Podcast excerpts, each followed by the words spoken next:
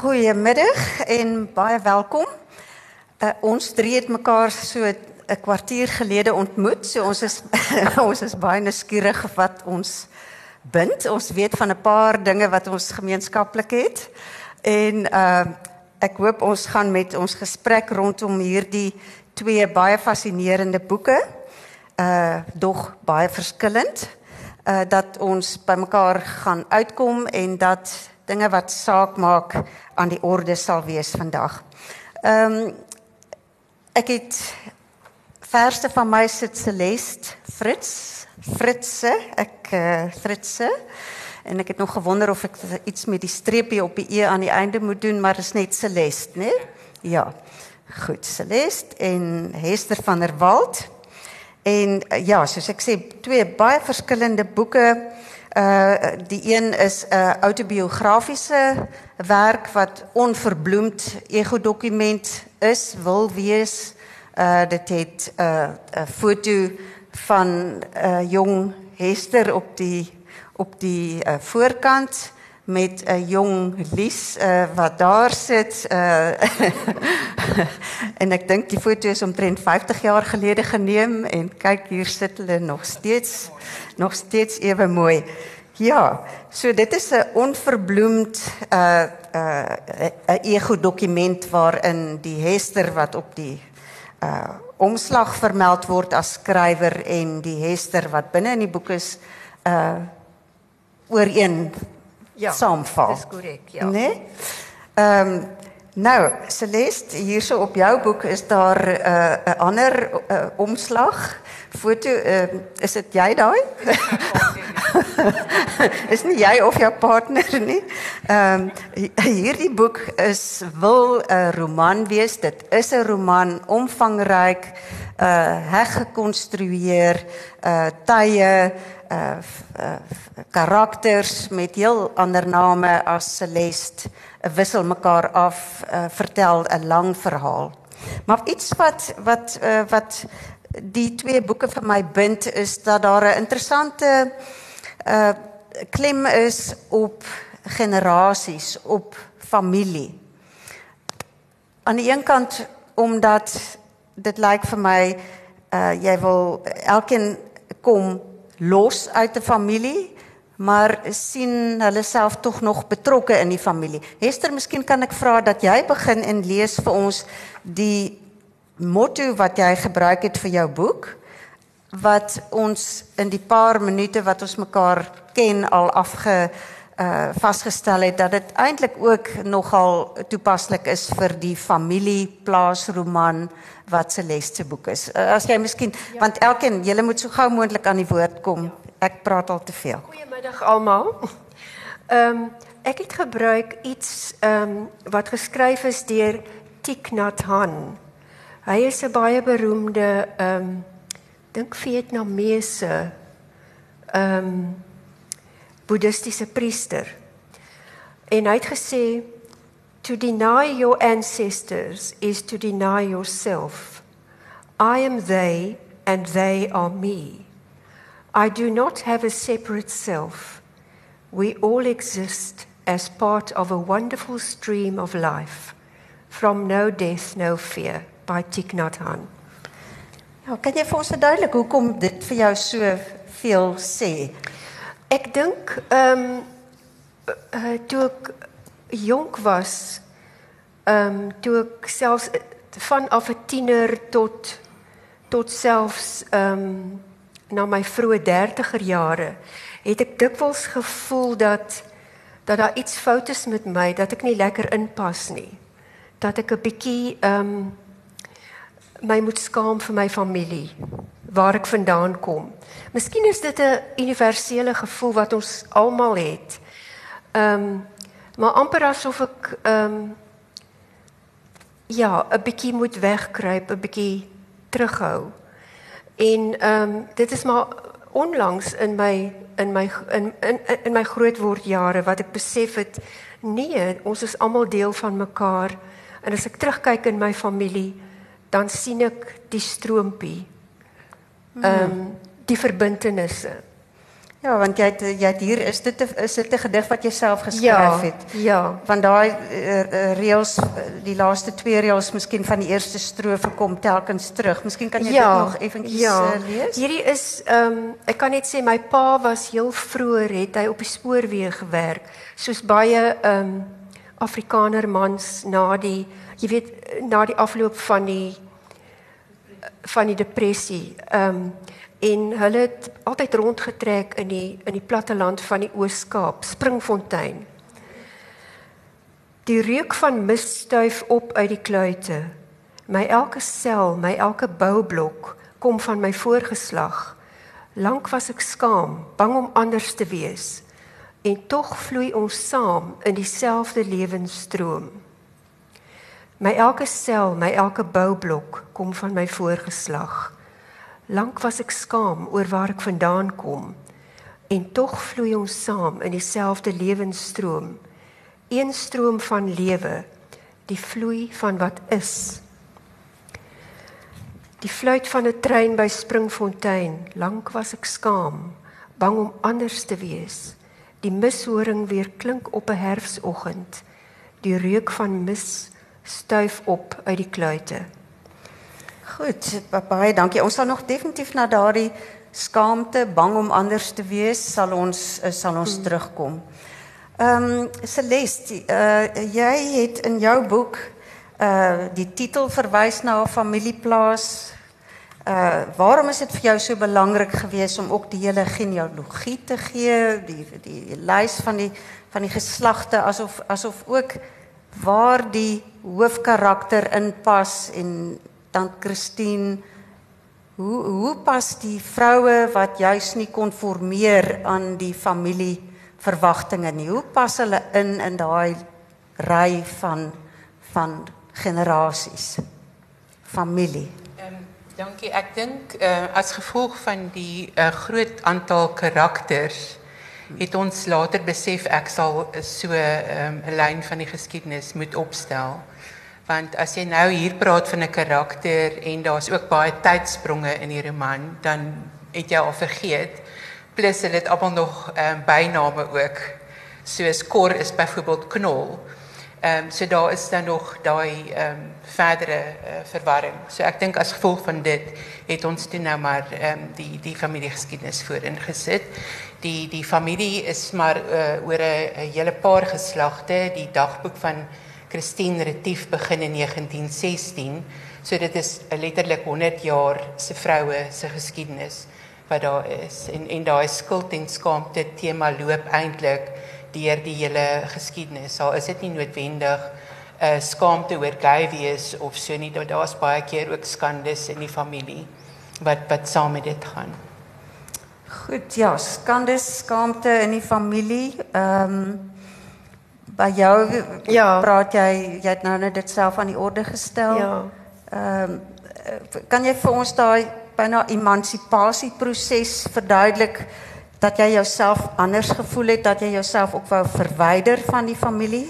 Ja, ek onthou dat ek as 'n as 'n jong meisie ehm um, rondom matriek het ek ehm um, het ek net gevoel daar's daar's iets fout en ek moet net hier wegkom. Ek was die, ek is die oudste van 7 en ehm um, ek het net gevoel ek moet hier uitkom en ek weet nie het, toe ek my verhaal begin begin het en ek wil net ehm um, hulde bring aan Ann Schuster en Anne Marie Hendrikse. Hulle was my ehm um, my ehm um, leermeesters in ehm um, hierdie tipe van skryf. En ehm um, ons het 'n oefening gedoen wat gesê het ehm um, dink aan die ehm um, spronge wat jy gemaak het in jou lewe, die besluite wat jy geneem het op sleuteloomblikke. As jy nie daardie besluit sou geneem het nie, sou jou lewe waarskynlik heeltemal anders gewees het. So dit is waarop ek gefokus. Ek het 10 van daai sleutelmomente gekies, keerpunte. En ehm um, toe daaroor begin skryf en ek onthou nog die eerste een was hier in my tienerjare toe ek net besluit het ek moet wegkom. Ehm um, en alhoewel ek toe nog nie eintlik regtig geweet het waarom nie. Ehm um, was dit tog belangrik. En dwarsteer ek dink hier in my ehm um,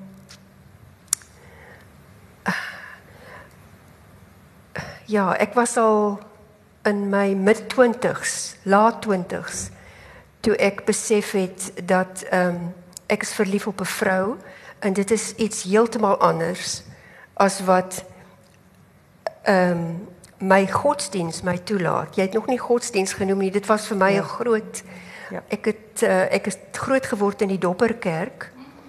Ek is nie van Venite van der Walt nie. Sy kyk soms na die deur. ja. En uh en ook in my verwysings uh verwysingsnetwerk as 'n jong mens het ek glad nie ehm um, was ek glad nie bewus van van van enige heteroseksuele mense nie. Ek bedoel homoseksuele mense. nee wat, ons het nie gekyk na hulle nie. Nee wat. ja. So dit was vir my 'n dit was vir my 'n geweldige skok. Ja. Toe ek besef hier is nou iets iets heel anders aan die gang. Sonde. Abnormaliteit. Jy weet, so dit is eintlik waar waar waar uit ons moes kom. Ek ek dink ja. baie mense uh, wat uh, wat uh, lesbies is, wat uh, homoseksueel is, dink jy's alleen op die wêreld. Ja. Um, uh, aan die begin, jy het nie daar is so min rolmodelle. Presies. So, miskien moet ons vir my baie belangrik is dat ehm um, dat uh, julle boeke is eintlik nogal voortrekker boeke. Ek bedoel in die Wie sou dit nou kon doen? In die Afrikaanse letterkunde, daar uh, julle kan my help onthou, maar daar's byvoorbeeld Klipkus van uh, Marlies Joubert gewees. Ehm um, maar aan die einde uh, uh, het dit uh, die die gelukkige einde daar is dat sy teruggaan na 'n man toe. Ehm um, dit is die gelukkige einde van van Klipkus. Ehm um, ja, daar's daar is uh, spesifieke tonele wat 'n mens ehm um, deur die jare teëgekom het. Het julle het julle spesifieke rolmodelle gehad via die literatuur wat betref lesbiese verhoudings? Ehm um, Nee, later van tyd. Ja, maar toe was ek hmm. al 'n bietjie verder gewees. Hmm. Toe het ek gesoek na na ehm um, geesgenote en toe het ek hulle oral gekry. Ja, ja, ja, maar nie in die Afrikaanse letterkunde. Nee, nee, in die Afrikaanse nee, letterkunde nee. nie. Nee. Daai tipe skrywers, ja, ja, dis reg. Jean Gosen, ja. ja. Dis reg. Hulle hulle twee by die poësie het ons natuurlik baie aan Joan Hambidge te danke. Ja. Marlene van die Kerk het uh, het mm. pragtige pragtige gedigte geskryf. So nou en dan kom mens tonele agter in in romans. Ek weet in Vlakwater is daar ook 'n pragtige toneel van 'n van 'n uh, ontmoeting hier in 'n hotel in Stellenbosch verbeel ek my. Uh so 'n mens het uh, uh julle boeke is sou julle dit self as 'n soort uh dokumentasie van van coming out wil beskryf? Uh, kom ons begin by jou Celeste. Um, um, ek glo nie, ek glo nie nee. regtig nie. Ek dink nie per se het ek uit uh, begin deur te sê dit gaan 'n gay boek wees nie. Nee. Dit is 'n boek van familiegeheime en gay wees is een van die geheime wat uitgekom het wat onder andere uit die kas klim.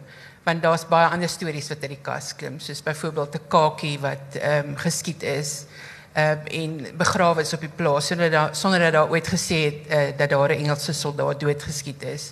So daar's baie ehm um, geheime wat ontbloot word. Uh nie nie as sodanig sou ek sê nie, maar ek dink omdat dit hoofsaaklik ook omdat die tante Christine en en die hoofkarakter gay is, is daar baie raakvlakke en en dit is nogal 'n sentrale tema, ja. Ja, ja. ja. Het, laat ons 'n bietjie hoor hoeveel mense het al die boeke gelees. Wie weet al se les se se roman gelees? Daar's 'n hele paar, ja. En wie het al uh hierdie uh boek van jou gelees? Nou, julle het albei julle het albei julle julle aanhangers wat in elk geval al weet waarvan julle uh waaroor julle geskryf het. Maar ek wou graag aangesluit het by wat jy nou-nou gesê het dat jou boek is ge, uh, gestruktureer rondom kernmomente en keuses. Ja.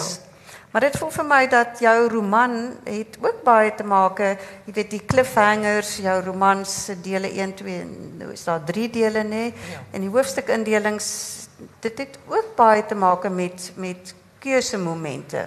Dit dit, dit is absoluut so ja. Ja. Ja.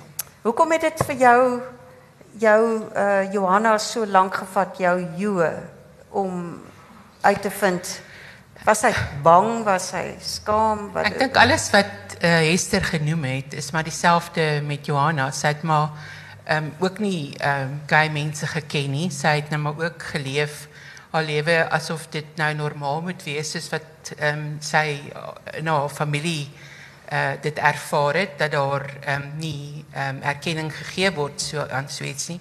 So die karakter is dan later getroud en sy trek dan ook Amerika toe, ook om weg te kom uit die vernouende uh omstandighede van van Suid-Afrika, die politieke omstandighede en alles. So ja, dit is 'n wegvlug as sodanig of skoon sy nooit terwyl sy getroud is, die hoofkarakter ooit 'n buiteegtelike verhouding het nie. Sy is eintlik baie oordentlik wat dit betref, selfs al is die geleentheid daar. Ehm um, en selfs as 'n man die dag te sterwe kom, is dit nie noodwendig dat sy onmiddellik 'n uh, gay begin nie. Want sy self is ook maar 'n uh, kalvinisties opgevoede Christelik nasionaal en dit vat maar 'n lang tyd voordat sy uiteindelik terugkeer na die model wat sy ontmoet het in haar jeug en wat sy afgeloer het en wat haar fantasie nou maar aan die gang gehou het en dat sy uiteindelik na 14 jaar eers gaan kyk het of die vrou nog daar is en selfs toe weer omgedraai het en nie voortgegaan het nie en eers later baie later na lewe eers werklike verhouding begin het. Ja, daai uh, jou hoofkarakter volg nou regtig die lang pad. Ja, sy het sy het die lang en die swaar pad geloop. Die lang lang pad. En en by jou het ehm um, Esther Kyk, ek ek, ek het onthou 'n nooit baie mooi stomende tropiese uh vakansie daar naby St Lucia. Ja. Kyk, ek het nie ehm um, miskien moet ek ook sê ek sien myself nie as 'n as 'n gay aktivis nie. Ehm um, en ek het ek en Lies het ook nooit rondgegaan en vir mense gesê, jy weet, ons is nie baie eksplisiet in ons verhouding nie. Op hierdie stadium is dit nie omdat ons wegkruip nie, maar omdat dit net vir ons uh, ons is private mense. En ek het nou vanmiddag vir die eerste keer gewonder of dit nie hierdie voorblad is in die titel wat die wat die kat in die in die hoenderhok gesit het nie. ja. Want ehm um, ons leef ons lewens ehm um, en ons het dit altyd ons het nooit uit die kas gespring met ons families nie. Ons leef net ons lewens normaal, soos wat dit vir ons normaal is. En hulle moet dan maar hulle gevolgtrekkings maak.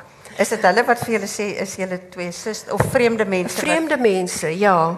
Vreemde Ons kom dit ook agter. Mense Ja. kom agter daar's 'n uh, intimiteit en hulle kan nie onmiddellik hulle vinger daarop sit nie en dan skat hulle maar die intimiteit sal ehm um, ja, ons moet dan maar susters wees of dit nou kelners is waar ons koffie drink of wildvreemde mense by jou plek vra vir jou daai vraag. Ja, dis heel tipies, ja. Jy was meer aktivisties wat betref die politiek van Dis die land. korrek, ja, dis korrek. En ek het uh, ons het altyd ek weet nie mense uit uit daai tyd, selfs die vrouebeweging het daai tyd gevoel asof ons terughou omdat die groot vryheid nog nie daar is nie. Ons was maar bietjie dom wat dit aanbetref. Ja, wat dit betref Ja. is dit ook 'n lang pad. Ehm, Ja. ja, voordat die ANC vroueregte Ja. eintlik op hoog op die agenda gesit het, Ja. was dit veral uh, Ja. almal se regte. Ja. Ja, maar tog is daar 'n uh, ek ek voel by albei van julle se boeke is die private en die politieke private political ehm um, uh, uh, die die uh bewussyn van jou eie andersheid maak jou bewus van diskriminasie teen Presies. ander mense Ja. wat Ja. uh, Ja, wat as definitief. ervaar word. Ja. Kan kan ehm ek gaan vir albei vra maar uh, vir jou uh hierdie bewussyn van van uh, uh bruin mense byvoorbeeld in distrik 6. Daar's Ja. 'n baie spesifieke toneel wat jy beskryf hoe jy besef het maar die breinmense is ook my mense. Ja. Wat het wat het dit byvoorbeeld Kyk, ek was ehm ek was 'n leerling 'n uh, vroedvrou in distrik 6. En daardie tyd was die Peninsula Maternity Hospital nog daar. Dit was en dit was in die jaar 1966 toe hulle begin mense uitskuif gedwonge verskuiwings uit distrik 6 na ehm um, Bonteheuwel en in in al daai plekke toe. En ehm um, ek het ons het gekom uit die Vrystaat uit Bloemfontein waar ek my basiese verpleegopleiding gedoen het. Eintlik nooit met swart pasiënte gewerk het nie, maar by hierdie hospitaal was die pasiënte ehm um, meestal bruin vroue. En ehm um, wat my eerste opgeval het was hoe dieselfde ons is. Ons praat dieselfde taal. Ehm um, en as jy by 'n vrou sit en luister na die baba se hartjie uur in en uur uit, haar rug vryf, dan raak jy op 'n sekere manier bekend en en, en jy begin gesels. So ek het gevoel Lies was baie meer polities bewus as ek op op op daai tydstip. Maar ehm um, my my ouers was nasionale party en weet dit dit het nooit by my eintlik werklik opgekom nie. Maar daar het ek gesien hoe dat ehm um, ons is eintlik dieselfde mense en veral op distrik ons het ehm uh, ons het destyds nog bevallings tuis gedoen. Dan kom jy met jou tassie aan in distrik 6. Mense het my nooit bedreig nie. Hulle het altyd ehm um, vir jou gesê die baby is by daai huis en nurse nurse bring vir my ook 'n baby, jy weet. En ehm um, as jy dan in mense se huise kom en dan sien jy die hoe ons eeners is, maar ook hoe hoe arm mense was. En dit was vir my 'n begin. En toe ek die eerste boek gelees wat my oë oopgemaak het, en dit was ons die afgod van Jan Rabie. Dit begin met die sinnetjie van dan gaan sit ek maar langs my broer in die bus. En dan word hy verjaag, jy weet. So dit was vir my en toe ek begin sien, waar hier is dinge wat verskriklik verkeerd is. Ja.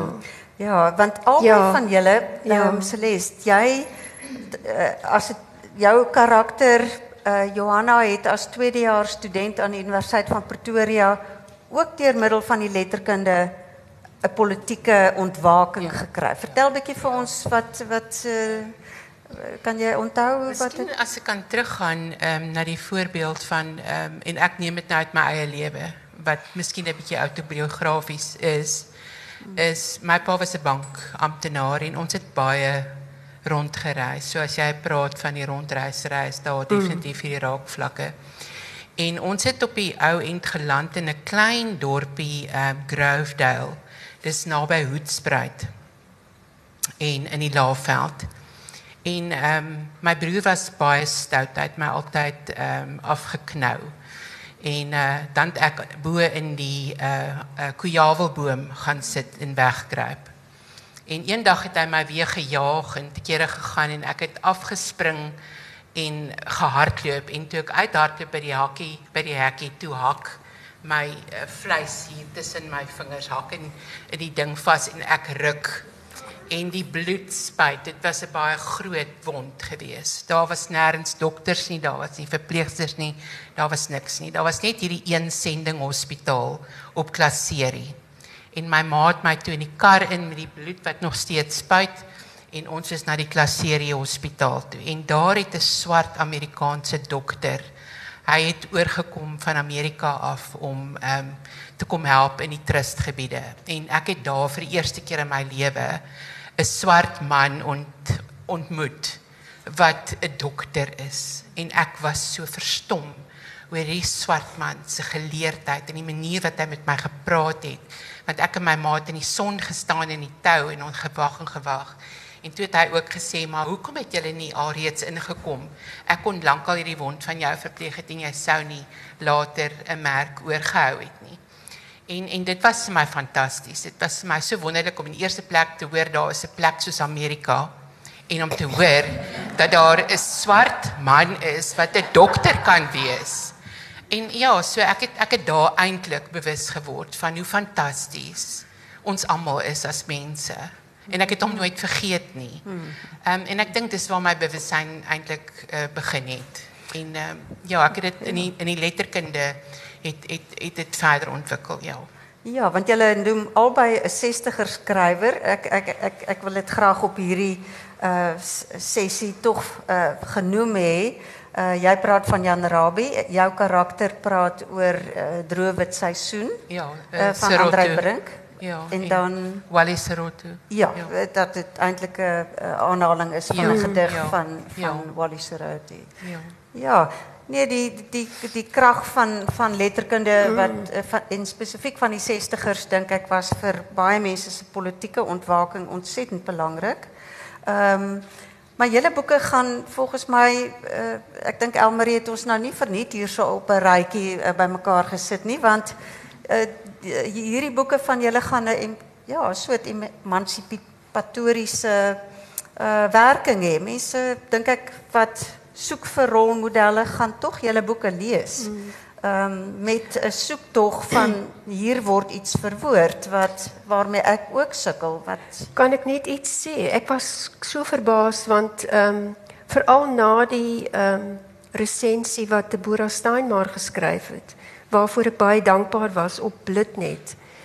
Ehm um, het ek geweldig baie positiewe reaksie gekry en ehm um, mense vind dit baie toeganklik. En ehm um, ek dink tog daar's 'n daar's 'n honger na na na hierdie soort ehm um, literatuur. Ek kan ek kan dit ook sê. Ja. Dit is definitief so mense kontak jou met hulle stories en Ja. mense is absoluut verbaas en verstom. ja. Ja, want Celeste het nou nog gesê dit daar is baie familiegeheime, maar ehm ja, vir my as leser is die mees dominant die die die die sterkste geheim uh, gaan gaan eintlik tog wel oor hierdie liefde mm, uh, vir verbode. vir 'n ander vrou en die en die Ja, verbod absoluut, daarop. absoluut. Ja, want jy jy noem van die baie bekende situasies, jy weet verlief op 'n onderwyseres, ehm 'n verleidings uh, scène met 'n onderwyseres. Ehm wat is uh, ver, vertel 'n bietjie, dit is Angela is die onderwyseres, die Engelse onderwyseres en dan en die jong Dis- meisie wat Dis reg en Marga Marga ehm eh die hoofkarakter ontmoet vir Marga in Amerika. Marga is 'n joernalis wat 'n storie kom doen oor Joe se man Corneels wat navorsing doen in in Alzheimer. En en Joe en Marga kyk mekaar se bietjie uit. Maar Joe hou nou nog op die straight and narrow. Ehm um, en dan ehm um, in 'n ja, in 'n stadium is dit ekskuus wat was die vraag? Jongen, ek hang nou so aan jou lippe, maar uh, nee, wat ek wil sê is dat hier baie tipiese tipe tonele beskryf word. Ja, Ehm goed, uh, ja, goed, nou, daar kry ek nou die die weer die storie. Ja. Ehm ek dink uh, dit dit doen dat hulle mekaar daar opmerk. Ehm Joe merk vir Marga op op 'n manier wat vrouens mekaar met hierdie antenna, hierdie gay daar wat mens noem, optel. Okay, daar. Ek het dit nog nooit gehoor nie. Dit is En een mooie. en dan en dan ontmoet sy haar baie jare daarna eers weer. Dit is so, dit is so. Ehm ehm en dan ontmoet hulle mekaar baie jare daarna en dan uh, word hulle dan 'n paartjie. Ja, op Kleinfontein. Dis ook 'n Dis reg. Op die Karoo, in die Karoo. Op, op Ja. die, Ka- ja, ja. Want jou jou jou roman uh na hierdie omswervinge uh op die Perreplaas en met Kath wat uh, ook 'n interessante karakter is. Sy is eintlik baie sexy, ja. Ja, baie sexy. Kath bly ook onbereikbaar. Dis die ja. hou op afstand. Ja, en ek dink sy's sy's een van daai mense wat mense kom hulle teen in die lewe. Kyk, hulle hou net nie van jou nie. Hulle hulle wil nie met jou verhouding hê nie, maar jy wil so graag met hulle verhouding hê, maar dit werk net nie. En tog het jy soveel respek. Ek dink eh, en Joe het dit werklik ook betoon aan- op die ou end om te sê hierdie vrou wil nie die keuse maak om uit te kom nie of omdat sy in elk geval op 'n hoër vlak haarself gehou het.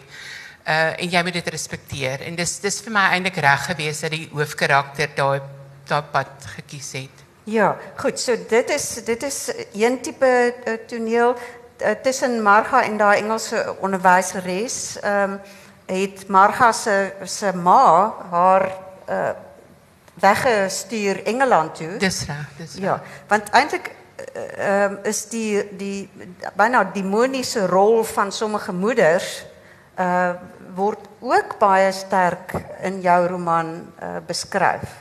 Ja, daar's 'n paar paar ehm um, regtig erge uh matriarge as mens dit nou so kan stel waaronder ehm um, Marga se ma ehm um, dat sy byvoorbeeld uh al gedreig het met die onderwysdepartement om te sê as jy nie uit die dorp uit gaan nie sal sal ek sorg dat jou jy weet jou loopbaan daaronder lê. En dis nie die enigste nie want in die vorige generasie met die tante uh, Christine ehm um, word daar beskryf 'n verhouding met 'n sekere Dina. Dis dis reg ja. Dit is in sy is ook 'n skooljuffrou wat ja. op die dorp kom geld insamel vir klaskamers en dan kom sy na die vroue boer ehm um, dan Christine se plaas toe en die on, twee ontmoet mekaar daar en hulle het ook 'n baie baie ehm um, geheime verhouding. Ehm um, en wanneer die ehm um, Dina dan nou plaas toe gaan om met ehm um, dat Christine se ma te praat word sy ook weggejaag.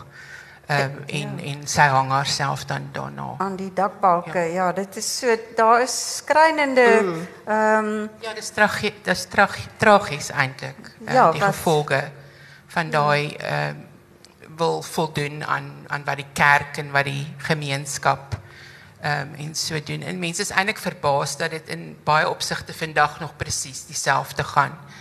Uh as 'n mens dink uh, dit is anders, is dit nie noodwendig anders nie. As jy kyk wat in die samelewing aangaan, hoe daar opgetree word ehm um, teen teenoor uh, gay vroue soms is is dit eintlik ehm Ja, maar daarom is dit so belangrik hierdie mm. boeke van julle regtig en ek dink 'n mens moenie die die uh persoonlike politieke krag van die boeke onderskat nie en en jy weet in te veel uh uh, uh jy weet dit en nie dat ek gesê het dat dat jy dit ontken nie want jou jou boek is deurdring van hierdie belang van van uh, besef dat waar jou uh, seksualiteit lê in in 'n gesprek of wat jy jou hoofkarakter besoek ook 'n seksuoloog en dat die seksuoloog sê niemand sou moet ly as gevolg van jou voorkeur vir watter seksualiteit ook al nie.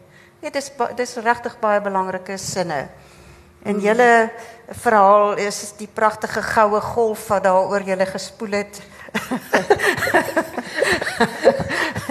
ja, en, en uh, never look back en uh, ja. 50 jaar later. ja. Ja. So dis 'n uh, dankie. Ja, dis 'n uh, dis 'n verhaal wat inspireer en uh, mens moet dit as sodanig uh dink ek erkenning daaraan gee. Ehm um, ja, uh, ek het ek het vir elkeen van julle 'n hele klomp ander vrae, maar ek weet dat elkeen ook gedink het 'n mens kan dalk iets uh lees. Ehm um, dat 'n mens die stem in elkeen se boek uh raak sien. Uh Uh, ek ek het nou nou vir jou gevra wat sou jy nou byvoorbeeld kies om te lees en toe jy uh jy het nie noodwendig iets oor die uh, liefde vir vroue uh, gekies nie maar ander ander voorkeure gehad? Kom ons ehm. begin met wat jy graag sou wou lees. Ek sal um, Ekskuus toe. 46. Jy kan so lank dink wat jy wil lees, lees. Ja. Goed, ek uh, hierdie is sluit aan by 'n stukkie waar ehm um, waar Lies en ek op 'n sendinghospitaal werk. En ehm um, diep in die kas is. en ehm um, en ons is eintlik baie bekommerd want wat gaan ons doen? Ons kry die hele tyd die gevoel ons moet oppas. Ehm um, En ehm um, dan beskryf ek 'n toneeltjie. Dit is nag. Die donker nag van afrekening. Lies en ek is op pad terug na Siloam waar ons die afgelope 8 maande werk as verpleegsusters. Ons kan dit nie langer wegsteek vir onsself nie. Ons is dol verlief op mekaar. En al wat ons seker weet is dat dit sonde is. Lies parkeer die liggeel Cortina vlak voor die eerste van die vier stroompies waar die Mauluma rivier die grondpad kruis. Die motorvensters is oop en die tropiese nag omvou ons met 'n simfonie van klank. Dis hoogsomer. Ons dra albei die nuwe mini rokkies wat ons vandag in Louis Trichardt gekoop het. Hare met blou en wit streepies en myne oranje en wit. Ons moet nou besluit voor ons oor die rivier gaan of ons bly by mekaar of ons gaan uit mekaar en sien mekaar nooit weer nie sê Lies. Ons kan nie langer so aangaan nie. Ons huil al heelpad van ons die middag weg is by die hotel waar ons die naweek gebly het. Ons begin weer sirkel deur die opsies Wie van ons gaan weg en waarheen of gaan ons albei weg waarna toe Ek begin weer snik en vrommel die nat sakdoek tussen my vingers op. Maar ek het jou lief en hoe kan liefde sonde wees? Is Jesus dan nie liefde nie? Ons maak mos niemand seer nie. Wie het gesê? Seker maar ek. Ek het altyd meer gemaklik met die waarheid omgegaan as sy. dan bly ons by mekaar net hier waar ons is. Ons sal wel 'n manier vind, maar ons sal versigtig moet wees want die mure het oë en oral skuil gevaar.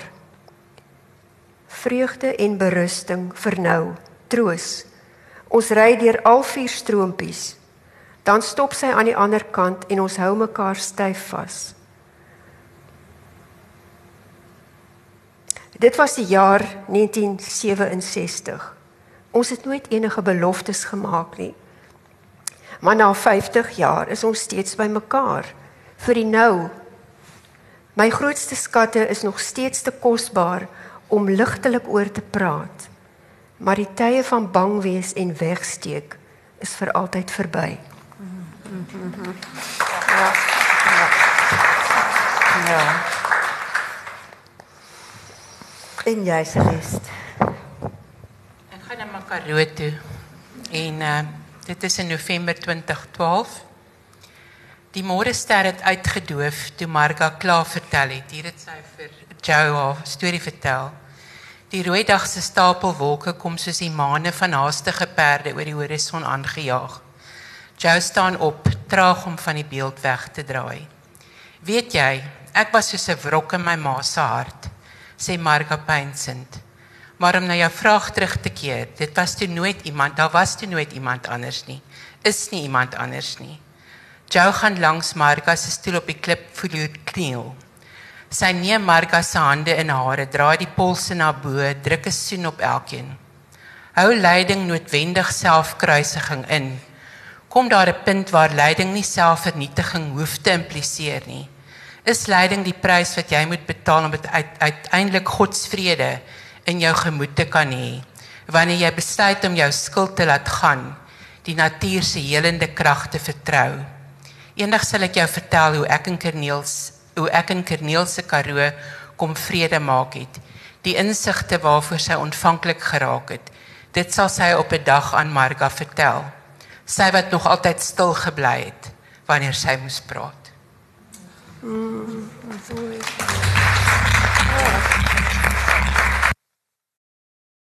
ja. Dit dit is regtig baie uh kragtig hoe hoe elkeen deur daai skuld, skaamte tot aanvaarding uh werk. Daarom sê ek regtig julle boeke is sterk, hulle vul mekaar aan.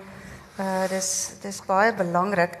Ehm Celeste, ek wil vir jou, ons het kortliks daaroor gepraat dat daar onlangs 'n ander boek verskyn het, ehm van Cas Weppener waar daar ongelooflik baie tonele is wat nogal herinner aan aan aan uh, ja, dis dis uh, eintlik nogal onvoorstelbaar want dis dieselfde name van die hoofkarakters wat hy kies. Uh daar is 'n goue hangertjie wat aan mekaar gegee word. Ja, ek weet nie presies wat 'n mens alles oor die ooreenkomste moet maak nie. Ehm um, uh en en een van die dinge is ook dat daar 'n verkrachting is. Ehm um, en dit is eintlik uh ja, wat eerste in jou boek was. Maar wat ek interessant gevind het kom, om nou weer by jou boek te bly is alhoewel daar 'n verkrachting plaasvind wat soms deur mense uitgelê sou kon word as ja omdat sy verkragt is daarom is sy nie uh jy weet tevrede met 'n uh, heteroseks of voel sy haar nie veilig in 'n heteroseksuele verhouding nie en miskien is dit die rede vrees of afskuw van mans. Maar uh dat dat ook jou jou, jou boek spesifiek die die die die vrou is sterk sy sy slaan daai man eintlik daai jonge ehm um, en dat elkeen van julle boeke gaan nie oor omdat jy nie 'n man kry nie maar juis die karakters en die persoon weet jy wil daardie vrou hê dis nie dis nie 'n teenreaksie nie ek klop dit so ek bedoel kom ons vra gou vir jou uh daar was 'n kort rukkie wat jy gedink het jy's miskien op Lies se broer verlief. Ja, vertel 'n bietjie daai uh, amper ook so 'n klein omweg wat ja, jy geneem het. Ja. Ehm um, ek dink dit was sublimasie. maar ehm um, ek het vir 'n vir 'n 'n week of twee het ek gedink ek is verlief op hom. Hy lyk baie soos sy. en ehm um, ja, en dit was nog lank voordat ons nog regtig besef het daar's iets tussen ons. En ehm um, Lies het net ge, gelag en sy het vir hom vertel. En toe sê hy, dit sal tog nooit uitwerk nie want ons het al twee hooi koors. en as dit in die familie was, hoef julle twee nie daaroor bekommerd te gewees het nie. ja. Ja, en ja, ja. en daai karakter van jou is sterk ondanks die verkrachting. Ja, ek dink dit is so ehm um, of skoon sy eintlik weer by nog 'n verkrachting uh per se betrokke raak wanneer sy op universiteit is. Ehm is dit goed wat sy wegbêre. Ek dink die hele gedagte van wat ek nou nou gelees het ehm dat jy self skuldig kan voel of dat die hoofkarakter self skuldig voel oor die verkrachting. En dit is alles skuld wat jy aan die einde moet laat gaan uh om die mens te kan wees wat wat wat sy sê jou ehm jy weet dit hoef nie selfvernietigend te wees nie. Uh al hierdie ding wat jy, met jou gebeur en ehm um, om ondanks dit alles op die ou einde te vind dat jou ma die persoon wat jy dit voor weggesteek het want dit gaan oor jou en Anna hier het het lankal geweet. Ja, dit is dit is nogal mooi in jou uh uh ja. hoofkarakter se ja, lewe dat ma is nou weer 'n ja. ander tipe ma karakter is die ander. As Marga se ma. Ja, ja, ja, ja dis mm. reg. Is daar op hierdie stadium mense wat miskien 'n 'n vraag wil stel Pamela en dan Petrofna? Ja. ja. Ek het jou boek baie geniet. Dankie. Uh, Veral dat jy die die vervlechting van die nieuwe thema van die lesbische seksualiteit zo mooi vervlecht met allerlei andere uh, thema's wat bij in de Zuid-Afrikaanse literatuur voorkomt. Die natuur, die trek, die plaats, alles. Um, maar um, kan je een beetje praten over jouw structuur? Want je hebt een baie ingewikkelde structuur. Uh, je hebt niet die gemakkelijke chronologische weg gekies. Hoe kom je dit zo'n ingewikkelde structuur uh, gekies? Ek dink ek moet vir die uitgewer vra. Esther, help. Um, moet sê dat dit nogal 'n baie moeilike was. Want in 'n stadium wou ek ehm um, Christine se dagboekinskrywings net as dagboekinskrywings gebruik en dan uh, die hoofkarakter se storie en haar familie heeltemal afsonderlik plaas. Maar ek dink 'n mens raak verveeld om een storie te lees van die plaas en elke dag se bedrywighede op die plaas. So ons het besluit om dit te koppel aan die groot gebeurtenisse wat jy ook van genoem het.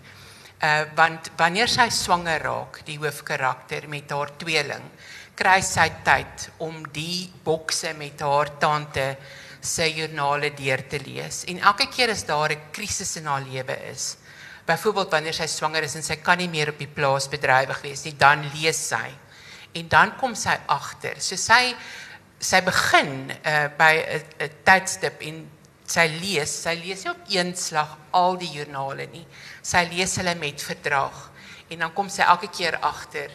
Ehm um, byvoorbeeld as haar seun, uh, haar klein seentjie sterf, dan dan kom sy agter maar in daai tyd het daar sekere dinge ook op die plaas gebeur wat net so tragies was dat twee susters byvoorbeeld van mekaar geskei is en mekaar eers na 13 jaar vir die eerste keer ontmoet en weet dat hulle susters is.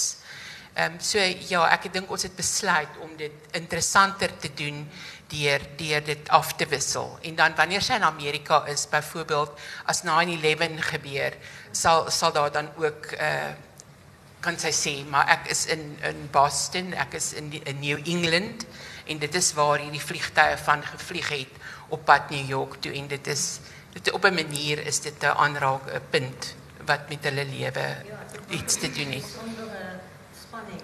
Ja, soos en ek hoop nie julle vergewe my as ek nou te veel praat. Ek het byvoorbeeld die naweek uh, in die beeld het ek 'n foto gesien van Ewart Potgieter. Hy was Suid-Afrika se swaargewig bokskampioen. Hy was 'n enorme man. Hy was 7 voet 12. 7 voet 2, ekskuus. Maar hy het iets soos 3, hy het iets soos 300 pond geweeg. En en ehm um, in in die uh, verhaal uh boks die twee dogters, Joe toe sy jonk was, sy en en en uh die die die ander uh dogtertjie boks. Want hulle tweetjies hou eintlik van mekaar. Die enetjie die vorige aand by die ander enetjie die bed kom klim toe daar storm was en sy het op 'n plek gevat waar sy nie mag gevat het nie. En die ander enetjie het daar die volgende dag geklap. En toe die onderwyseres gesê as julle nou hierdie seentjie gedrag wil openbaar, dan gaan julle nou met boks. En hulle het toe nou 'n boksgeveg opgestel. En en uh die ander dogtertjie Martha het gekil en en en vir vir Joe ehm um, gepootjie en sy het geval en sy het gebid, "Liewe Here, asseblief, bring net vir my uitkoms." En op daai oomblik het die skoolklok gelei en daar is gesê, "Maar verwoerd is dood." En en sy het vir die res van haar lewe geglo dat sy vir verwoerd dood gebid het, want sy het dan nou uitkoms gevra. En en en sy het ook later vir haar tante gesê, "As ek maar net daai Ewert Potgieter se groot hande gehad het, dan sou ek hierdie dogtertjie onmiddellik uitgeslaan het." En ehm toe ons ek was maandag ek en my ma gaan tee drink en toe sê my ma vir my want dit is ook 'n bietjie autograaf 'n biografiese gegevens ehm um, uh Ewart was in Noord-Natal een van die kampioene daar. En my ma sê toe vir my ja hy was op die stasie. Toe sy dogtertjie was het hulle van Paul Pietersburg af met die trein gery uh vryheid toe en die koning uh, koning George en koningin Elizabeth was in 1947 toe my ma 12 jaar oud was was hulle op besoek met die trein ja, ja, ja. en hulle daar gestop en die koning het toe hy uitklim toe hy so kyk na Ewert toe sê hy staan hy op 'n kassie? Ehm uh, toe sê hulle nee hy is so lank. En toe vra die koning en my ma lag sy sê en die hulle vra toe vir die koning die koning vra toe asseblief of Ewert nie kan nader staan nie laat hy net kan kyk of hy onder Ewert se skouer kan staan. En die staan die koning van Engeland toe nou onder Ewert se skouer. Maar altyd het jy gehoop dat sy net daai groot hand gehad het oh, ja. om daai boksgeveg te kon wen. Ja dankie. Uh Petrofna jy wou ook iets vra? Ja jy by Mujaji, het jy maklik uh, by jou uitgewer uitgekom? Uh ek moet erken, ehm um, my my eerste boeke by Mujaji, my my twee boeke oor brood, Hester se brood en Hester's Book of Bread. Uh Mujaji was wonderlik. Dit was haar eerste Afrikaans Afrikaanse skrywer wat sy uitgegee het. En ehm um, hierdie manuskrip, wel ek het toe gedink, miskien moet ek gaan vir 'n Afrikaanse uitgewer. Ek het gestuur na ehm um, die beroemde een in die Kaap. En ehm um, hulle het eerlikwaar nooit geantwoord op my manuskrip nie. En toe ek maande gelede die moed bymekaar skraap om te vra, toe sê hulle nee, toe sê hy nee, daar lê 'n stapel manuskripte. Hy sal eers hy weet nie wanneer hy daarby sal uitkom nie. So ek het toe maar weer teruggegaan na Mujaji toe. En daar het ek ook 'n hele paar jaar gewag. Ehm um, dit was nogal moeilik vir my. Ek dink as jy nie bekend is nie dan is dit nie maklik nie. Ja. Ja, ehm um, ek ek moet sê die die uitgewer was ontvanklik. Uh maar ek moes omtrent 13 keer oorskryf. Want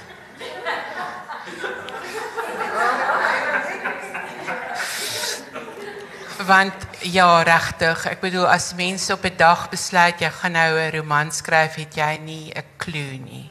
Jy besef nie regtig nie en en selfs as jy nou na die uitgewer toe gaan en sê ek het 'n gay tema gaan julle my uitgee of gaan julle nou wys julle is uh jy weet anti-gay deur nie my boek te wil uitgee nie uh, dit is nie so nie. Jy nee. jy's nog steeds 'n skrywer jy moet nog steeds jouself kan bewys dat jy 'n goeie storie het en dat jy ehm um, jy weet ehm um, jou deel gedoen het. Maar ek is baie baie dankbaar teen teenoor die uitgewer.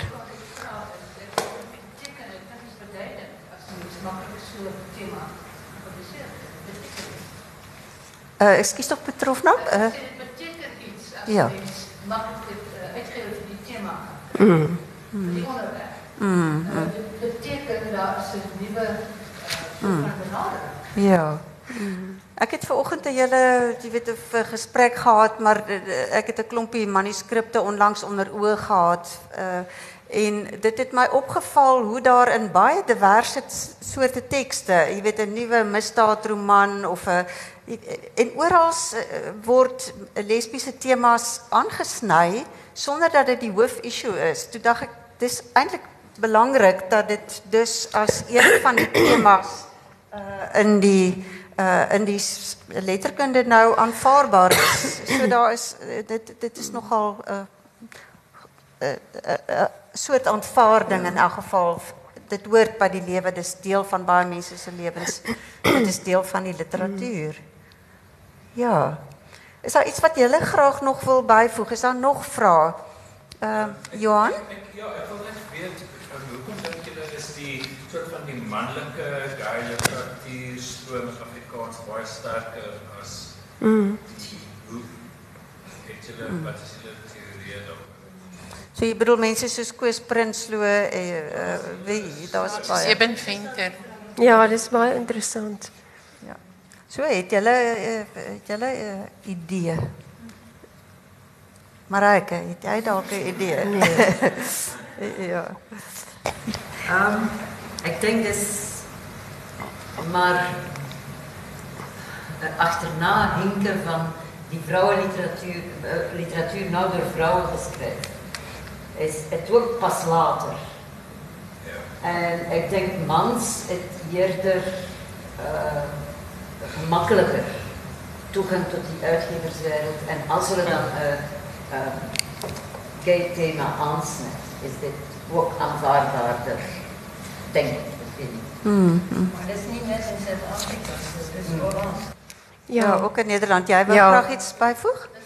moontlikheid dat ek net dat dat hier uit die ou myne uit dat almal mans is gay en ook ook daar sou verhoudings tussen mans. Maar jy hoor nooit in die ou geskiedenis van verhoudings tussen vrouens nie. So dit is maar tradisioneel dink ek dat mm. aanvaar word dat dat mans kan gay wees en vrouens uh, bestaan nie. Dit is is heel. Maar dit nou Ons het daarom vir sap voer. Ja, dis dis waar. Uh, ek dink uh dit is uh, Marga se ma uh wat vir haar Amanda, uh, ja. vir haar vir die karakter ook sê ja, maar hulle is mans. As sy vir haar sê mamma, ek is gay, dan sê sy dan dan sê haar mamma dit is nie aanvaarbaar nie. Dan sê sy vir haar mamma wat van daai twee vriende van ma die oom die en oom daai. Dan sê sy ja, maar hulle is mans. Jy weet so ek dink dit is maar daai tipe ingesteldheid. 'n Ander teorie, wat is jou teorie Lies? susters. Ja, dit word dit word skadeloos gemaak, miskien minder interessant Ja. selfs. ja. Ja. Ja.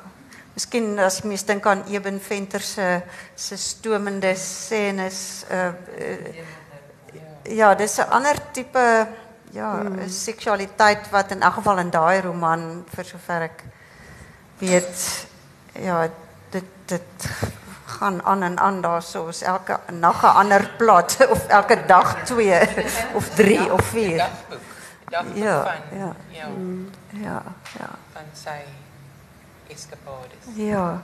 Ons het nou nie oor jou belangrike politieke uh, werk gepraat nie, want wat ek uh, vir mense wat nog nie gelees het nie, is dit uh, dat ehm um, jy het eintlik deur gemeenskapswerk, deur jou bydra aan bewegings die Christelike Instituut, uh, die mm. SASH, allerlei uh, gemeenskapswerk het jy in 1985 uh, met daardie uh, uh, eerste van die twee noodtoestande wat kort na mekaar Ja. gevolg het, was jy ruk in Paulsmoor. Ja. Ja. Ehm ja, dit was nogal 'n skokkende gebeurtenis. Ek het uh, ek was ek ek beskou ek, ek was nie 'n 'n senior aktivis nie. Ehm glad nie. Ek ek het 'n baie ek ons het 'n baie klein rol gespeel. Miskien 'n veilige huisgebied aan mense wat wat ehm gesoek was. Ehm en uh so hierdie was heeltemal onverwags. En ehm dit was vir 2 weke lank.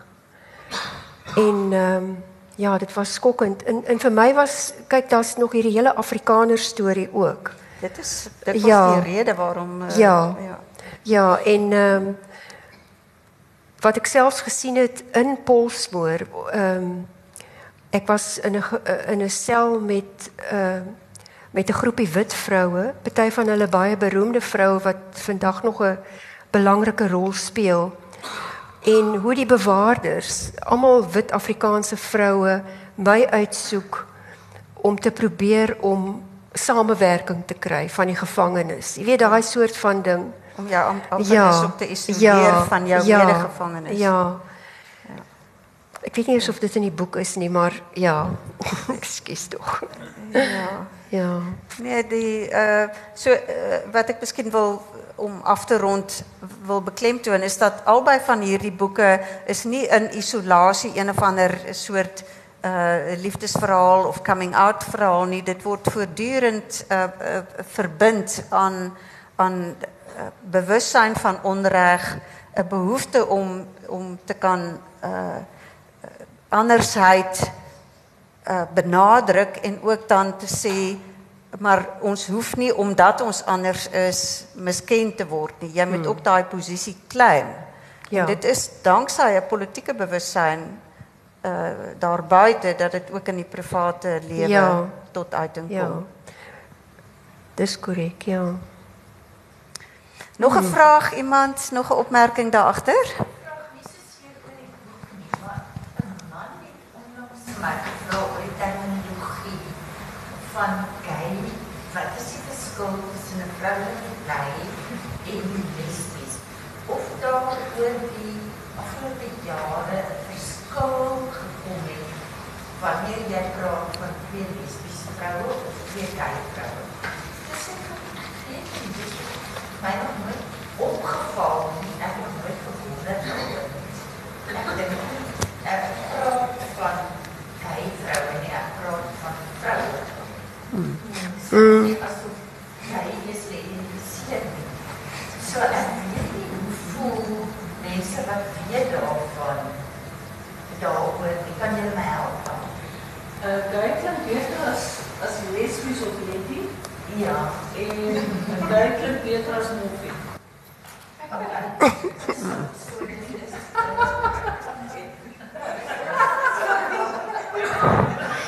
Is miskien die soort kontras tussen straight gay en lesbies ehm um, heteroseksueel. Dis 'n dis 'n soort tegniese term op 'n manier miskien. Uh inderdaad dit, dit klink beter, maar dit klink ook dis 'n soort informeler uh register byna waarin dit gesê word. Dis ja, dis dis, dis minder tegnies vir my, vir my ervaring, vir jou nou Celeste. Wat sê jy daar in Pretoria? Wat is ek? Nee, ek weet nie. Nee, ek sal my mond van jou afhou. Ehm ek weet nie, ek het nydig 'n uh, e-pos uh, ontvang uh, oor die LGBTQ ehm um, in die uh, wetgewing wat op pad is. Ek weet daar is 'n wet uh, daar is 'n wetskrif ingedien by die by die ehm um, regering of by die kabinet. Ek ek weet nie hoe ver dit is nie, maar ek dink daarin sal mens meer leiding kry oor oor die spesifieke terminologie. Ja, die volksmond of hoe mense praat is gaan Ja, ek dink of ek glo mense gaan noodwendig daarby hou nie, maar as jy moet begin uh, met tekste werk waarin jy die die terme moet gebruik, sal jy jou dan seker deur die wetgewing laat lei. En julle, wat sê julle daar in McGregor? Uh ons is net ons is net mense daar. Ja. Net me, net mense en vroue. Ek bedoel ons ons sit onsself nie in 'n boksie nie. En dit, dit, dit was eigenlijk mijn punt. Dat Ja. vrouwen ook niet voor mij als mensen in boxes gezet. Dat ik niet kon antwoorden. Want toen kon het ook in de jaren 60 voor vrouwen die voorrecht hadden om kijken te wees. Ehm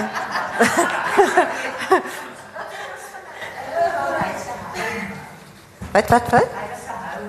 O, ja.